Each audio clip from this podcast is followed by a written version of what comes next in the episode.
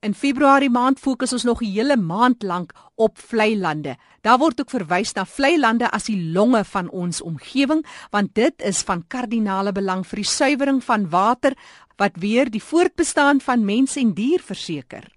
Paddas in moeder natuur is van uiterste belang en hulle wys die stand van sake aan, byvoorbeeld in vlei lande. Ek gesels nou juis met professor Louis de Pre. Louis is van die skool vir biologiese wetenskappe. Dis by Noordwes Universiteit, dis Potchefstroom kampus. En daar's interessanthede ten opsigte van hierdie korrelasie en die habitat wat geskep word in vlei lande vir paddas. Professor de Pre is ook die skrywer van die boek A Complete Guide to Frogs of Southern Africa. Nou as ons nou so praat van vlei lande en paddas Altwee loop eintlik maar kwaai deur in die omgewing vlei lande is beskerm. Vertel ons so 'n bietjie meer oor die belangrikheid van paddas in so 'n beskermde omgewing. Jackie, die vlei lande soos wat ons hulle ken, is absoluut krities belangrik vir die paddas. Jy weet as mense nou dink aan 'n groot dam, sê net maar die Gariepdam, dan dink mense, "Wow, daar moet paddas wees," maar dit is eintlik absoluut steriel vir paddas vlei lande bied 'n uh, skuilplek vir paddas. So baie plante groei, grasse, uh, ander kruide en so aan en en paddatjies het skuilplek nodig. Natuurlik het hulle dan vog en water ook nodig uh vir die broei aktiwiteite. So ons kry tipies in vlei lande 'n groot verskeidenheid paddas. Nou ook in ons land kry ons 'n uh, baie diverse vlei lande. Ons ken die vlei lande wat tipies is aan die Wes-Kaap uh, met die fynbos en dan vlei lande hier in die sentrale hoofveld van die land en dan ooskus en Natal se vlei lande lyk weer heeltemal anders. En so het elke tipe vlei land sy unieke paddas. Ons kry wel 'n paar paddas wat 'n redelike wye verspreiding deur die land het en oral in vlei lande voorkom, Maar 'n vlei land sal nie 'n vlei land wees sonder 'n paddakoor in die aand nie. Absoluut. Vertel ons van die spesies wat spesifiek in vlei lande broei en lewe of kan alle paddas maar uit die aard van die saak in 'n vlei land omgewing aard? Nee, nee, weet jy, ons het 'n sekere paddas is baie spesifiek wat hulle broeiplek betref. Ek meen ons praat van die Tafelberg spookpadda wat letterlik net in 4 5 klofies van Tafelberg voorkom en nie glad nie in Vleiland nie. Uh so is daar baie paddas wat gespesialiseerd is en nie in Vleilande voorkom nie, maar daar's die meerderheid paddas sal ek sê kom wel in Vleilande voor in tipe Vleilande.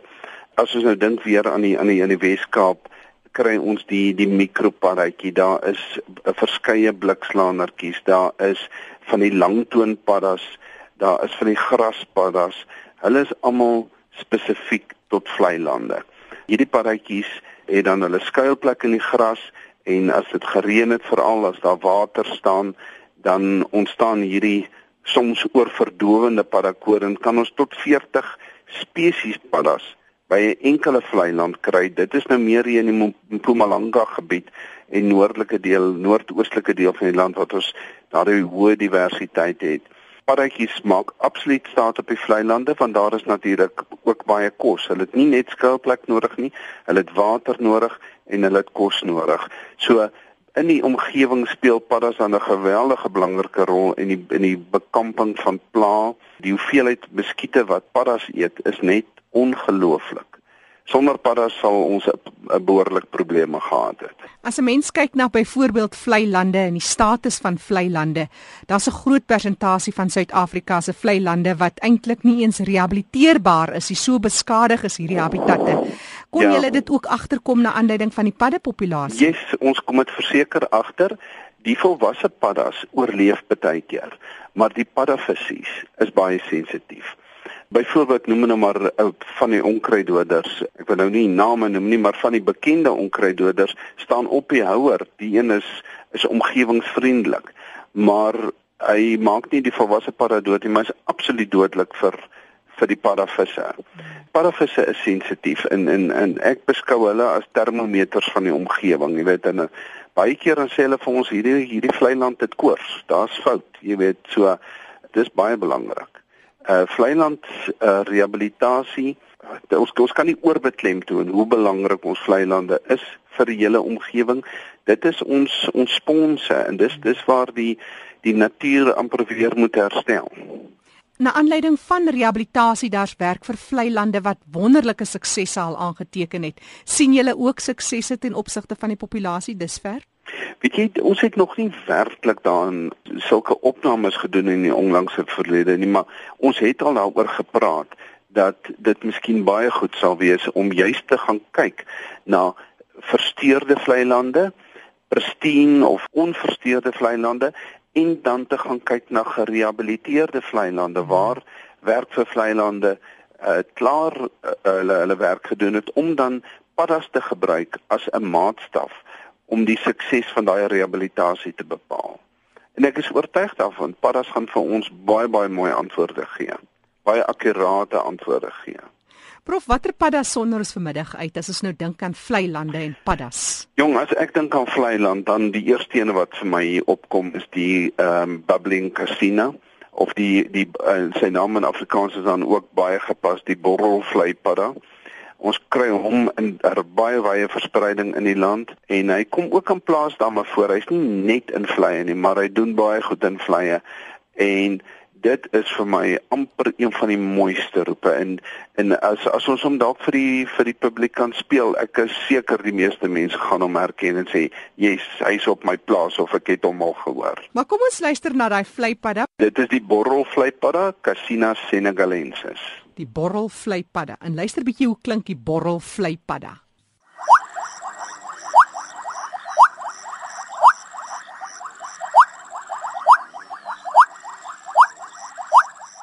ek seker die publiek sal saamstem dit is nou die geluid van 'n vlei hierdie borrelvlei parakoor wat daar in die agtergrond roep en dit kan nie mooier nie.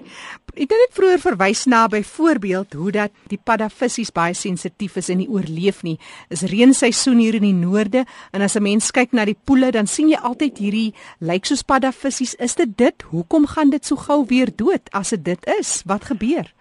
Kyk, 'n verskeidenheid van die paddas is wat ons noem explosive breeders. Hulle is so dankbaar as dit reën, hulle broei onmiddellik en dan is dit 'n reisies teen tyd in vlei lande in pannetjies waar die water net vir 'n beperkte tydperk staan.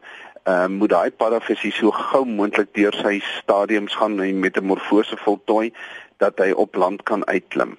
So dit is geweldig belangrik en dit gebeur baie keer dat poletjies opdroog uh voordat daai paddas deur deur metamorfose is. 'n Voorbeeld is die brulpadda. Die brulpadda het 24 dae nodig om deur metamorfose te kom. En hulle het allerlei vreeslike interessante meganismes om daai proses nog te versnel ook.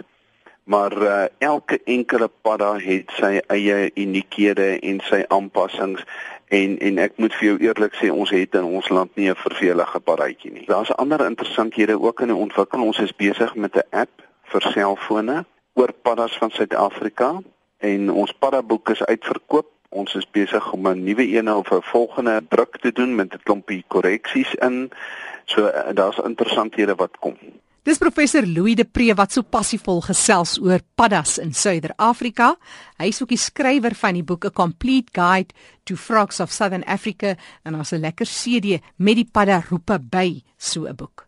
Hy is van die skool vir biologiese wetenskappe Noordwes Universiteit Potchefstroom kampus.